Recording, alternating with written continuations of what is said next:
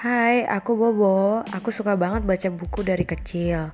Nah, buku-bukunya tuh bagus-bagus menurutku dan cocok banget untuk anak-anak ataupun orang dewasa juga sih. Ini cerita moral gitu ya, dan Bobo pengen bacain buku-buku yang suka Bobo baca nih dari kecil. Jadi ceritanya ini tuh buku suaranya Bobo gitu ya.